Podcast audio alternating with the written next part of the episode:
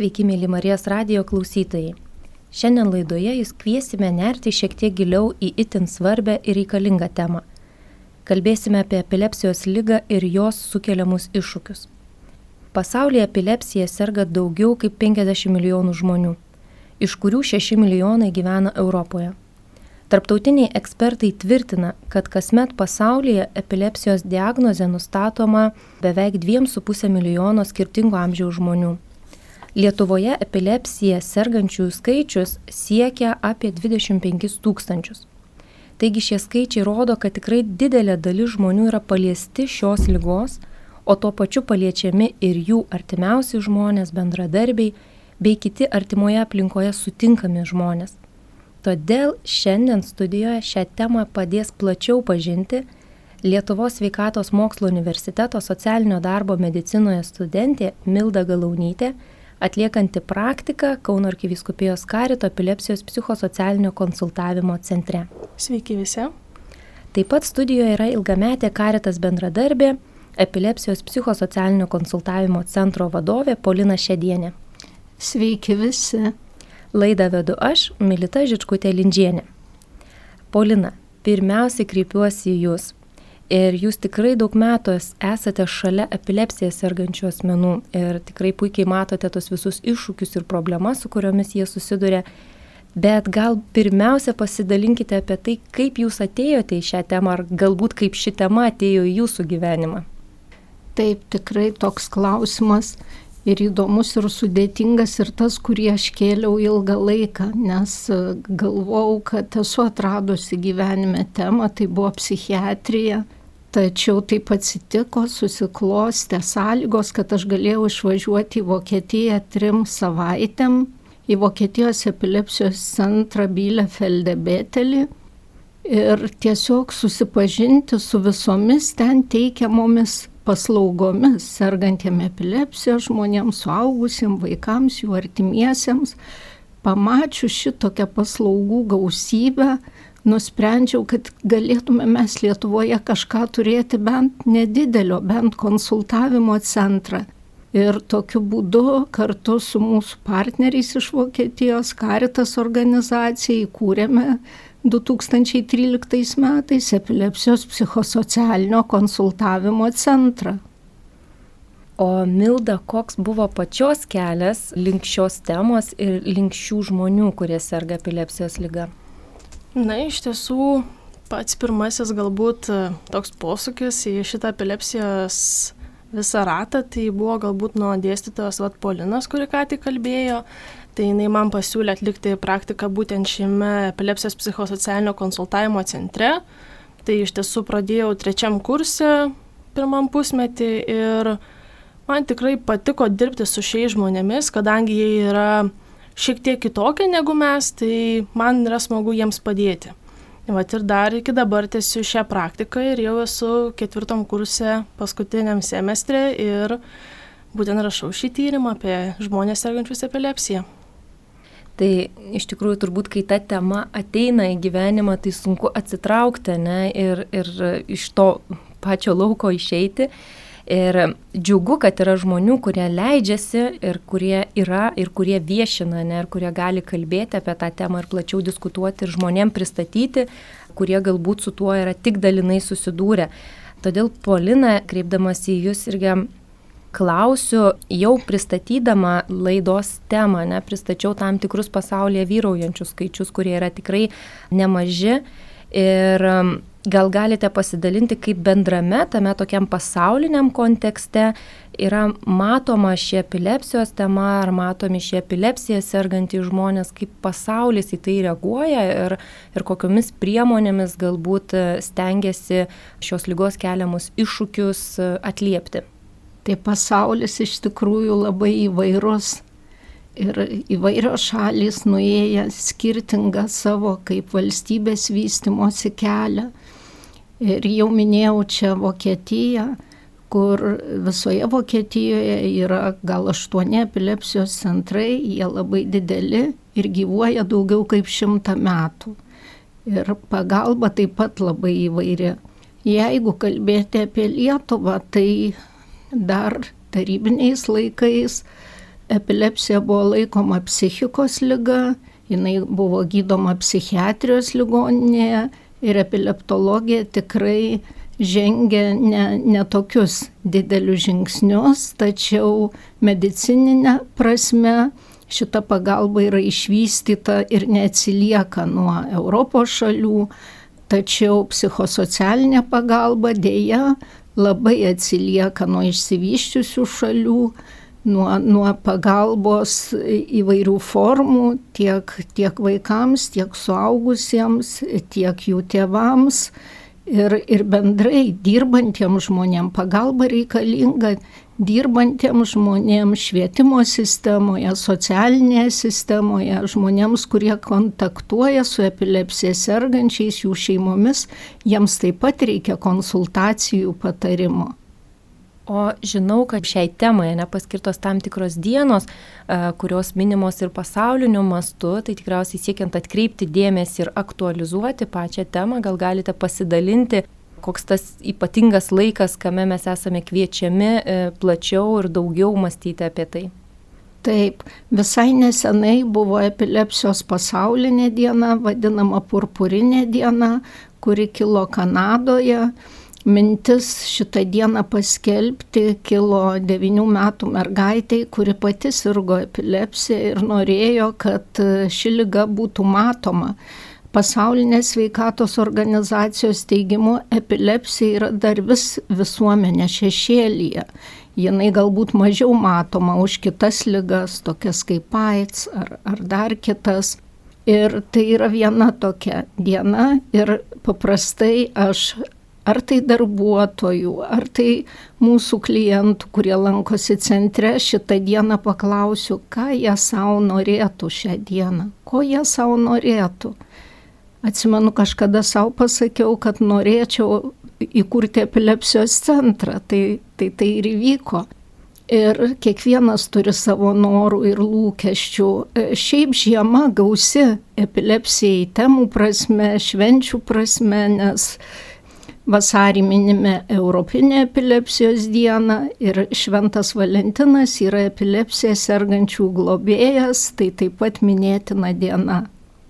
E, labai įdomu, kad Šventas Valentinas dažniausiai tapatinamas su meilė, ne? tai turbūt irgi graži sąsaja su tuo, kad ir šio žmonės mes galime apgaupti meilę, nepaisant to, kad jų gyvenime yra ir tam tikras iššūkis, ne? kaip, kaip lyga ir, ir, ir kaip su jie būti. Taip, mes esame karite. Karitas yra globojanti meilė, o meilė yra veikianti, yra telkianti, yra besiaukojanti Tai labai gražu. Kad šie dalykai siejasi. Ir iš tikrųjų galvoju iš to savo darbinės jūs praktikos, šiek tiek mūsų klausytojams gal galit pasidalinti, mes va taip irgi iššokom į tą temą epilepsiją, tarsi savaime suprantama, ne kas čia yra, bet gal šiek tiek bent jau pagrindinius tokius aspektus, ką yra svarbu žinoti, ne, ir kaip keičiasi žmogaus gyvenimas, kai jisai sužino, pajaučia ir, ir jam yra konstatuojama, kad jisai serga epilepsijos lyga čia yra keletas tokių aspektų. Vienas tai epilepsijos kaip lygos išraiška ar pasiekmes biologinės, tai, tai yra priepoliai, epilepsijos priepoliai, kuriuos negalima taip lengvai paprastai apibūdinti, nes jų yra įvairių formų ir pasireiškia labai įvairiai, priklausomai nuo to, kokia smegenų sritis pažeista, gali būti kažkokie motorikos sutrikimai, gali būti e, halucinacijos, taip pat e, tokie trumpi kažkokie šūktelėjimai, trūkčiojimai. Yra tie didieji vadinami generalizuoti priepoliai, kai žmogus netenka sąmonės, krenta ant žemės, čia galbūt toks, na, jau sudėtingesnis atvejis, kai reikia tokios specialesnės pagalbos, reikėtų svarbiausia bet kurio priepolio atveju laikytis ramiai tiek iš pačių mūsų klientų, sergančių epilepsiją žmonių, tiek, tiek iš teorinių šaltinių, visur yra pirmiausia teigiama, kad reikalinga ramybė. Nes jeigu mes reaguojame audringai, tai žmogui vėliau papasakojus, kaip, kaip atrodė priepolis, mes įsiaudrinę, mes jausmuose nedekvačiai sureagavę žmogus įima į save, integruoja į save šitą požiūrį į save ir vėliau galvoja, kad jis gazdina kitus žmonės. Ir pasakoja žmonės, kad artėja, jeigu jaučia, kai kurie jaučia, kad artėja priepolis, tai stengiasi, jeigu jie gatvėje, tai pasislėpti kažkur, užlysti už kokio pastato, kad jų nepamatytų, nes gali išgazdinti kitus. Tai, tai dar viena labai svarbi taisyklė, tai nieko nedėti į burną, kas anksčiau buvo daroma, tą noriu pabrėžti, nes vis dar pasitaiko žmonių, kurie galvoja, kad tai būtina priemonė, tai nėra. Ir yra tokių nereikalingų dalykų, nereikia daryti dirbtinio kvepavimo, nereikia laikyti galūnių. Tai Žinoma, kai mes žinome tą žmogų, pažįstame ir, ir laukiame susitikimo su epilepsija sergančiu žmogumi, reikėtų išsiaiškinti keletą dalykų.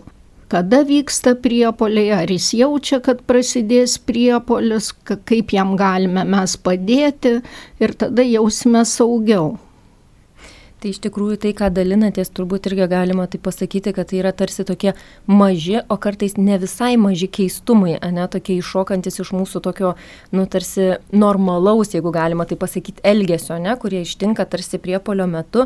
Ir jau jūs šiek tiek paminėjot, kad e, norint palengvinti, padėti, ne, kaip elgtis, kad tikrai ta ramybė, tas prieimimas ir, ir tas nesupanikavimas turbūt toj vietoj ir sakot apie tai, kad pakalbėti su žmogumi, tai mano, va, irgi būtų klausimas, nu, va, tarsi žinau, ne, kaip, kad serga žmogus, Ar tai, yra, nu, ar tai yra normali praktika tikrai kalbėti apie tą lygą, ar žmonės, kurie serga, yra pasirengę kalbėti ir pristatyti, ir kaip tą kalbą reiktų nu, pakreipti, nes kažkaip, žinot, visada tarsi lyg ir nesmagu, lyg ir nemalonu, lyg kaip aš čia kažko klausiu, ne, tai, tai kaip e, iš tos pozicijos, kad jeigu mes žinom, jog žmogus serga, esam girdėję, ne, tai Tai kaip mums turėti tos drąsos nebijoti paklausti ir galbūt kaip taktiškai paklausti, ne apie tai, kaip pasikalbėti su tuo žmogum apie lygą ir kas su juo ištinka tam, kad mes nu, galėtumėm atliepti ir būti šalia jo geriau. Tai gal yra kažkokių, nežinau, stebuklingų patarimų tame.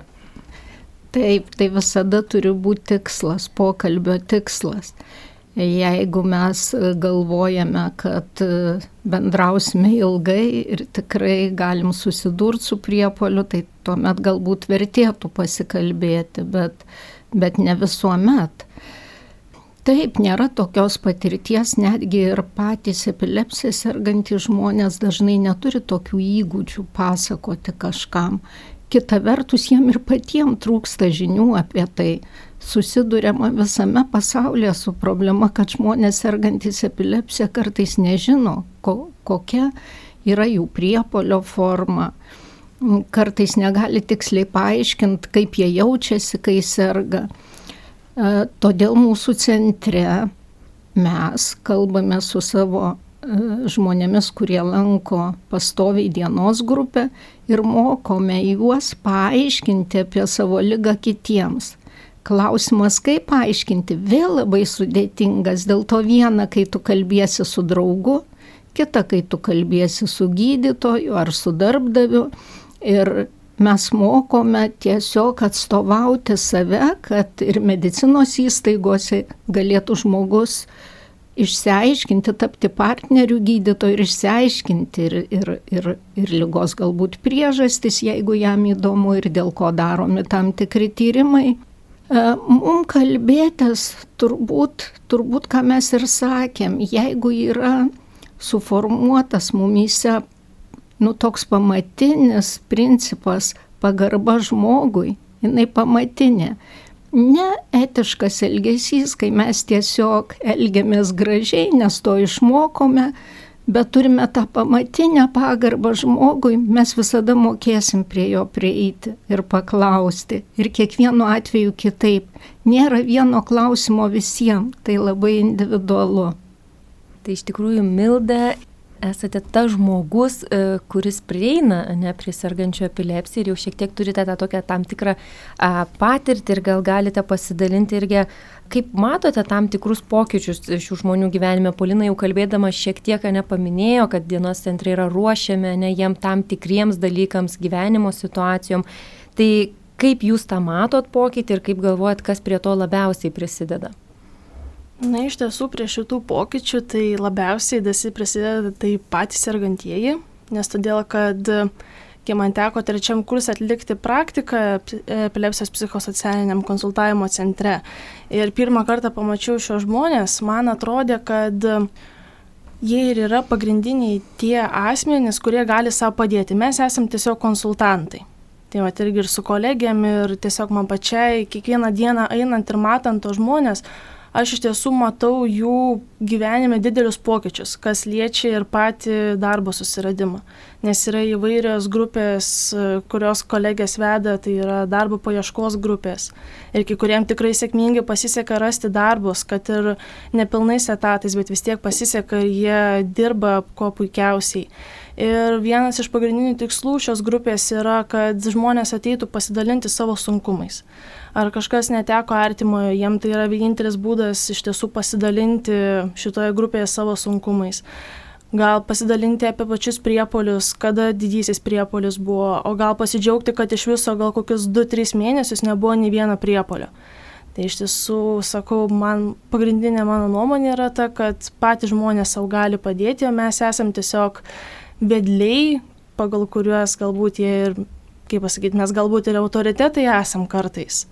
Bet pagrindinis, ką gali žmogus padėti savo, tai iš tiesų tikėti, kad viskas bus gerai ir tiesiog susigyventi su tuo, kas yra dabar.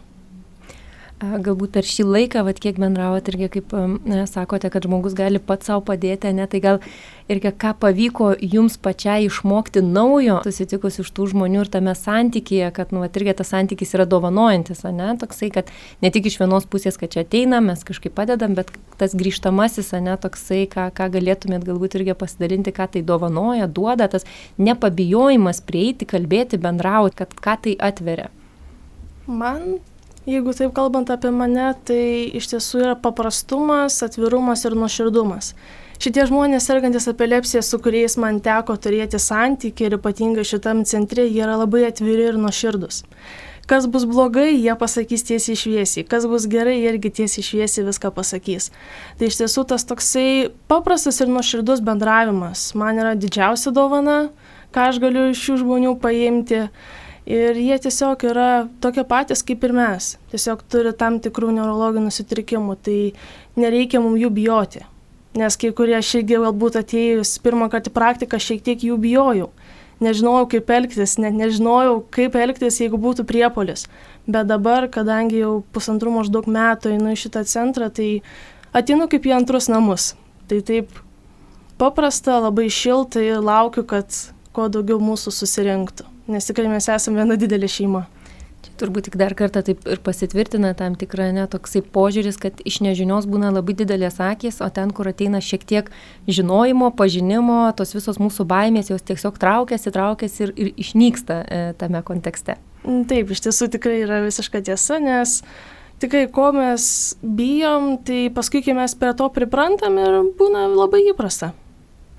Tai aš Marijos radio klausytojams primenu, kad šiandien laidoje mes kalbam apie epilepsijos lygą ir jos sukeliamus iššūkius ir studijoje šiandien yra Lietuvos sveikatos mokslo universiteto socialinio darbo medicinoje studentė Milda Galaunytė ir Kauno arkiviskupijos karito epilepsijos psichosocialinio konsultavimo centro vadovė Polina Šedienė.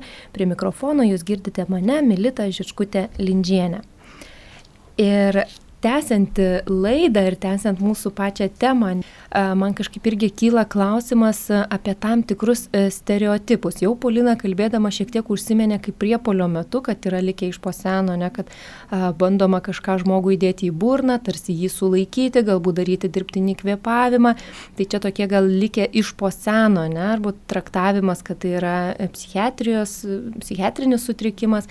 Galbūt yra dar kitų tokių stereotipų, ką būtų verta pasidaryti pasidalinti, kad laikui einant, pažįstant labiau pačią lygą, jos dinamiką, žmonės, ne, kad keičiasi patys suvokimai ir, ir kaip mums daugiau turėti to tikrojo žinojimo, nesivadovauti kažkokiais prieš, prieš ilgą laiką buvusiais įsitikinimais. Taip, taip, čia labai tokia rimta, atrodo ir paprasta, lengva tema, bet ir, bet ir labai sudėtinga nes iš tiesų, iš tiesų likę įvairių tokių dar požiūrių visuomenėje, baimių, įsitikinimų, kurie siejasi su tam tikrais prasimanimais, su, su tam tikra stigmatizacija, etiketizavimu ir tai labai neigiamai veikia pačius sergančius žmonės.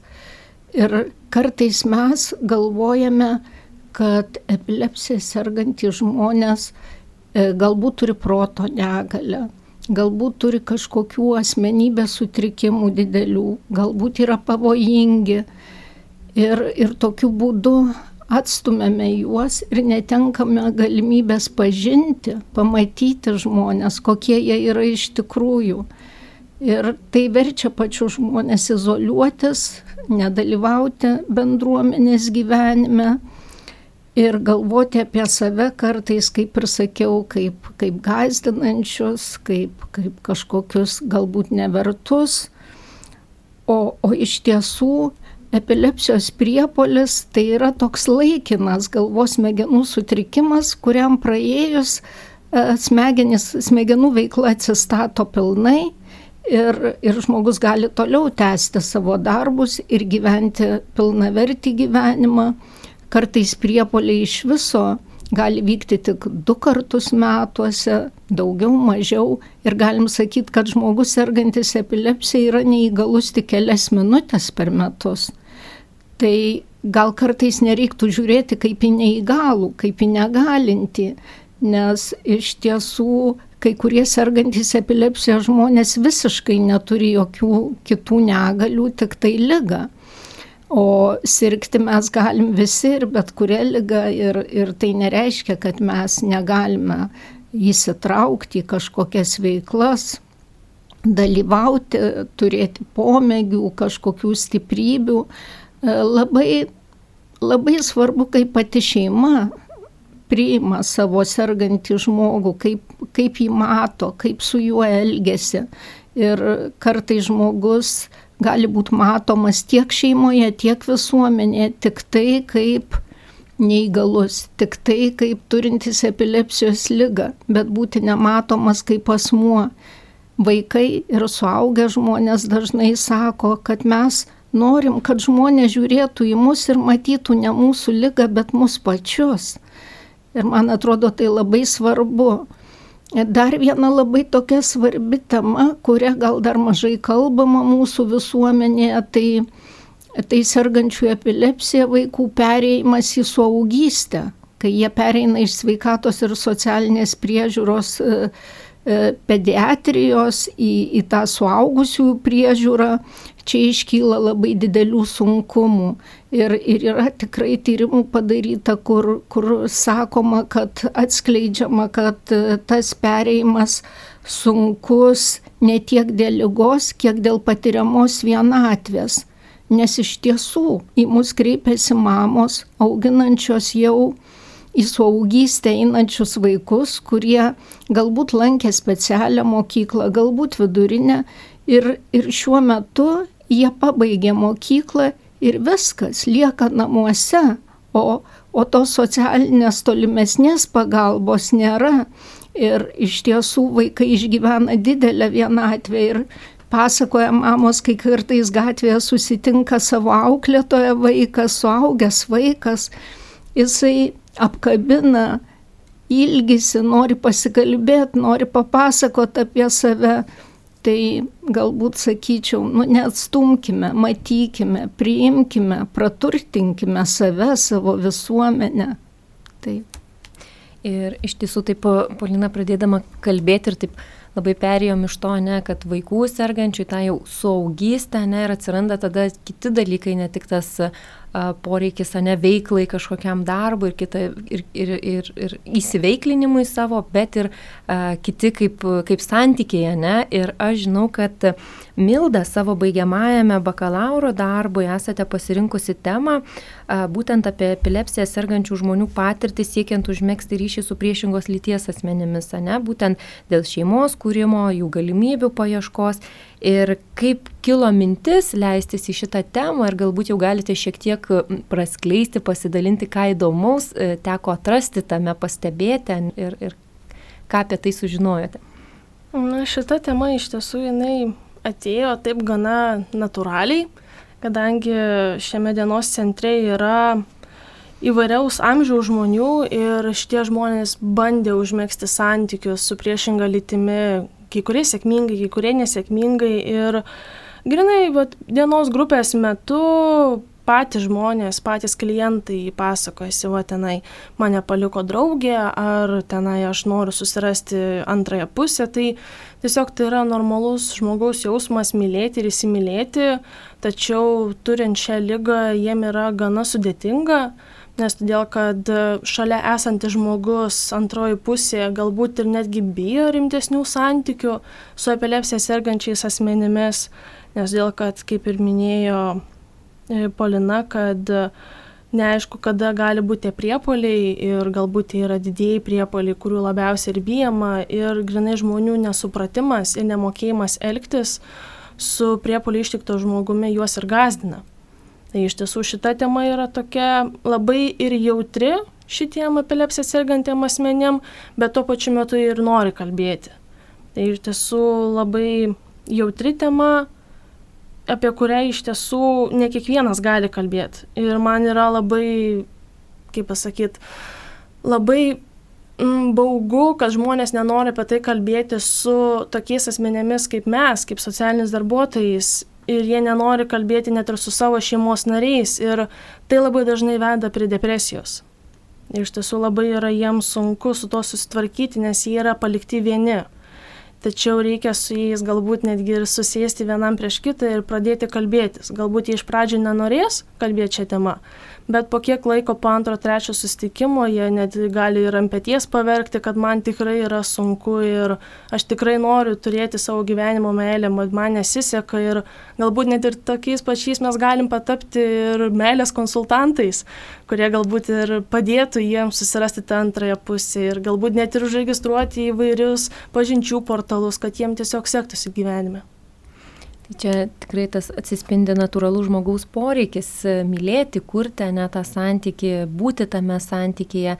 Tai nežinau, gal va, irgi kaip, kaip visuomeniai mums mane būtų va, irgi klausimas, ką mes tame galime padaryti ir kažkaip atliepti šitą poreikį, ne, ar, ar nu, kaip jūsų nuomonė, ko tam ko tame procese reikėtų, ne, ir į ką mes turėtumėm atkreipti dėmesį ir, ir kaip, kaip tame būti ir padėti.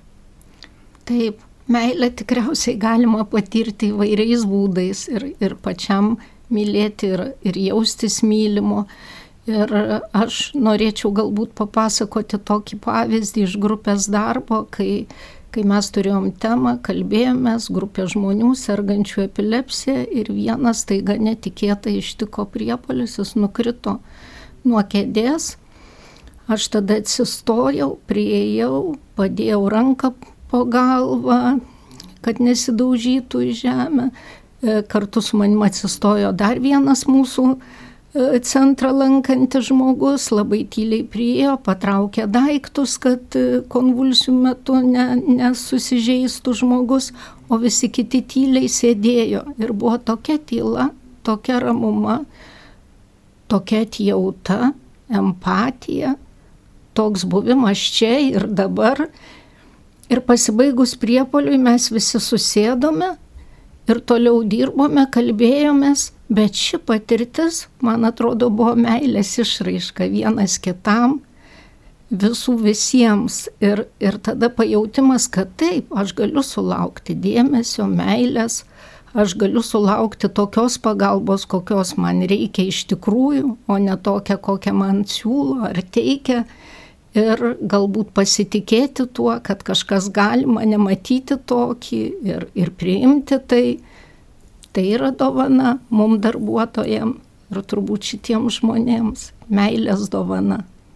Ir tikrai, vat, šiandien mes taip kaip kalbama, ne, tai tos temos jos taip pat ir sviruoja nuo to, kaip mes bandome šiek tiek laužyti tam tikrus stereotipus, ne, kad žmonės nebijotų, prieitų, būtų šalia e, jų ir kai iškeliam sąmoningai, turbūt iškeliam tam tikrus iššūkius, su kuriais susiduria tie žmonės tam, kad kad irgi galvotume mane apie tai, ko kartais gal net nesusimastom, atrodo, nu kas čia tokio, visi ieško antros pusės, ne, ir atrodo, nu, normalu, bet e, turbūt iš to tam tikro irgi, ką ir prieš tai kalbėjom, tam tikro nežinojimo, baimės, ne, to ir tie santykiai kartais nesusiklosto, nes galbūt žmogus išsigasta šitų dalykų, ne, kad, kad galbūt nežinos, kaip, nes tai vėlgi yra tam tikra turbūt lydinčioji lyga visą gyvenimą. E, ar, ar yra galimybė nuo jos pasveikti, ar... ar...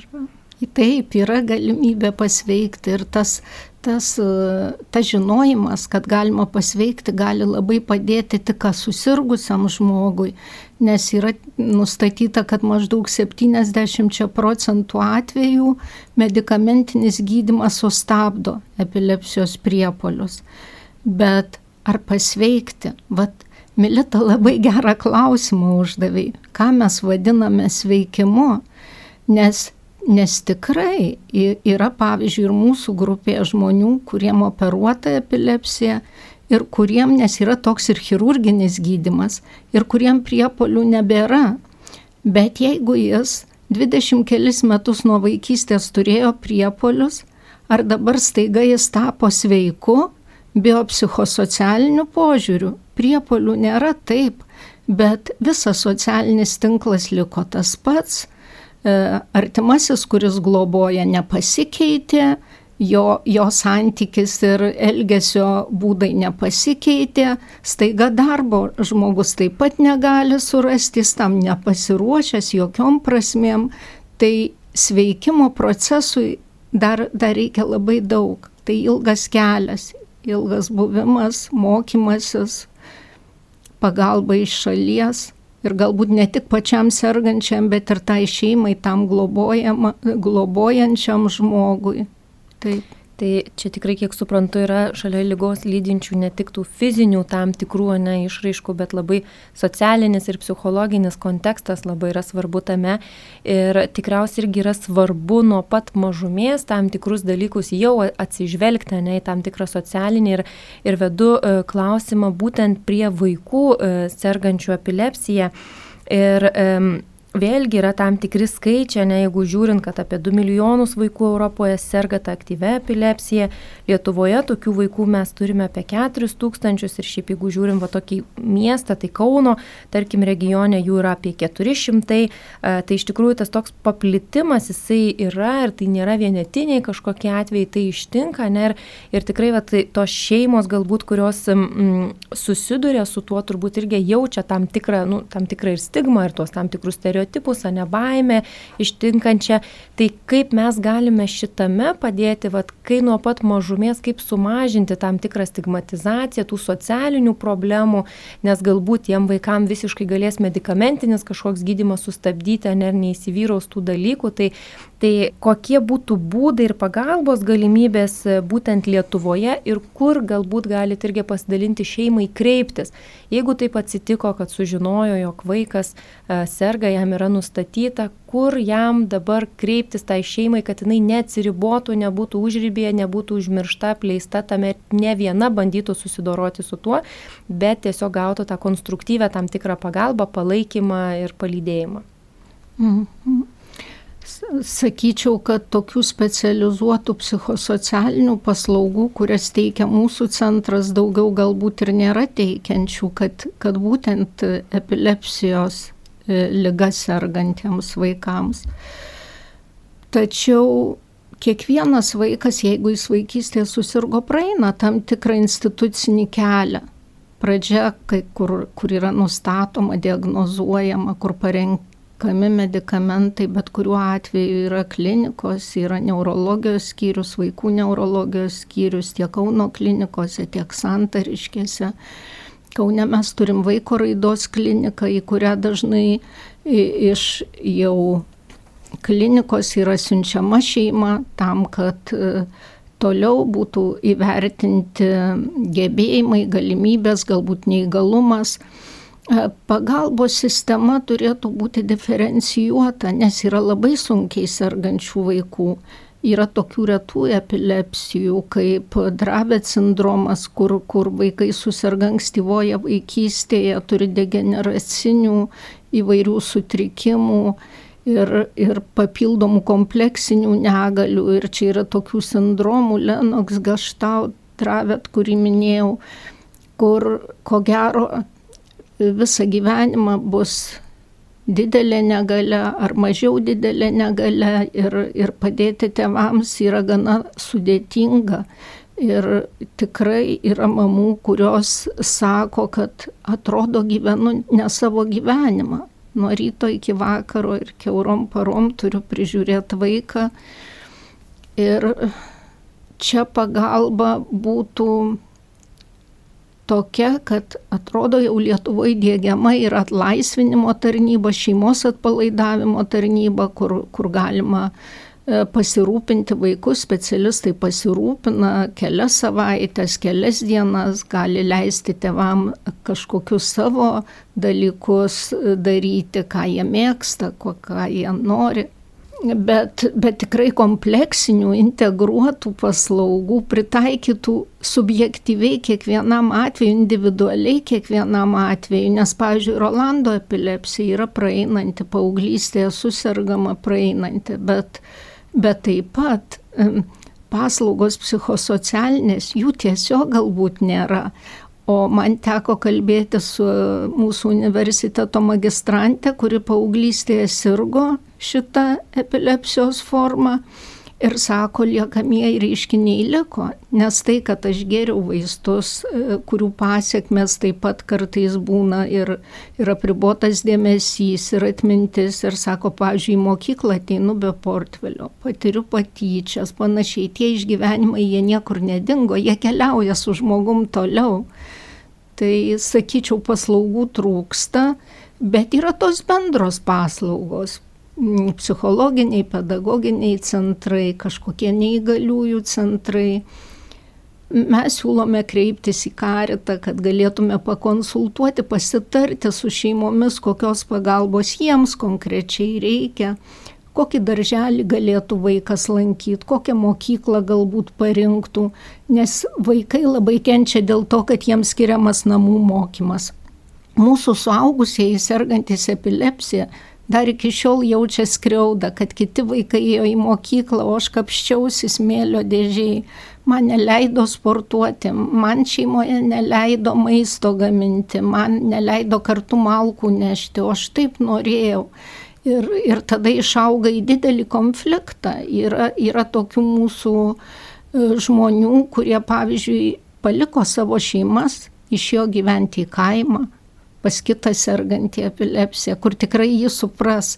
Tai kuo ypatingas mūsų centras ir mūsų grupė, kad čia visi, visi turi tą pačią lygą. Niekur kitur nerasi tokios grupės, kad, kad panašiai patirtų pasaulį, panašiai matytų žmonės.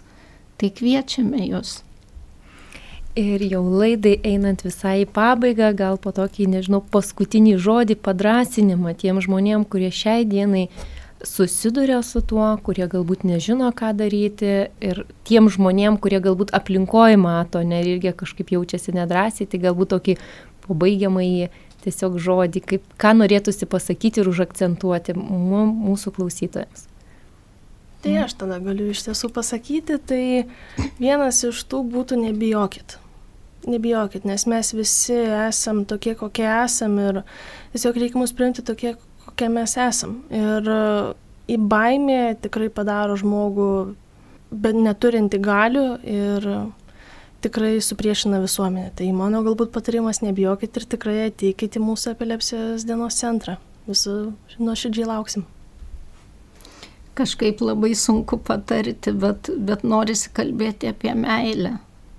Ką, ką ir minėjau. Mylėkite vienas kitą, mylėkite savo vaiką darykite tai, kas jums atrodo geriausia, nesitaikykite prie kitų, prie visuomenės, netikėkite kartais, kas sakoma, pajauskite save, ko jūs iš tikrųjų norite, ko linkėtumėte savo, siekite to. Tai iš tikrųjų apibendrinant mūsų šiandienos laidą, tai mes kalbėjome apie epilepsiją kaip lygą ir apie žmonės, kurie serga ir apie tai, kokius iššūkius jie išgyvena tiek socialinius, psichologinius, tiek e, fizinius dalykus.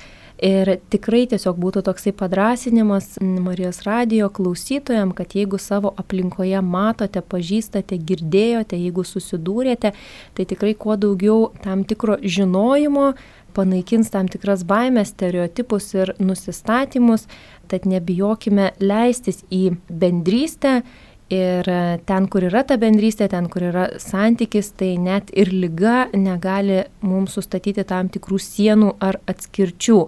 Tad šiandien e, studijoje su manimi kalbėjosi Lietuvos sveikatos mokslo universiteto socialinio darbo medicinoje studentė Milda Galaunytė ir Kauno arkiviskupijos karito epilepsijos psichosocialinio konsultavimo centro vadovė Polina Šedienė. Laidą vedžiau aš, Milita Žičkutė Lindžienė. Su Dievu visiems. Palaiminto visiems laiko.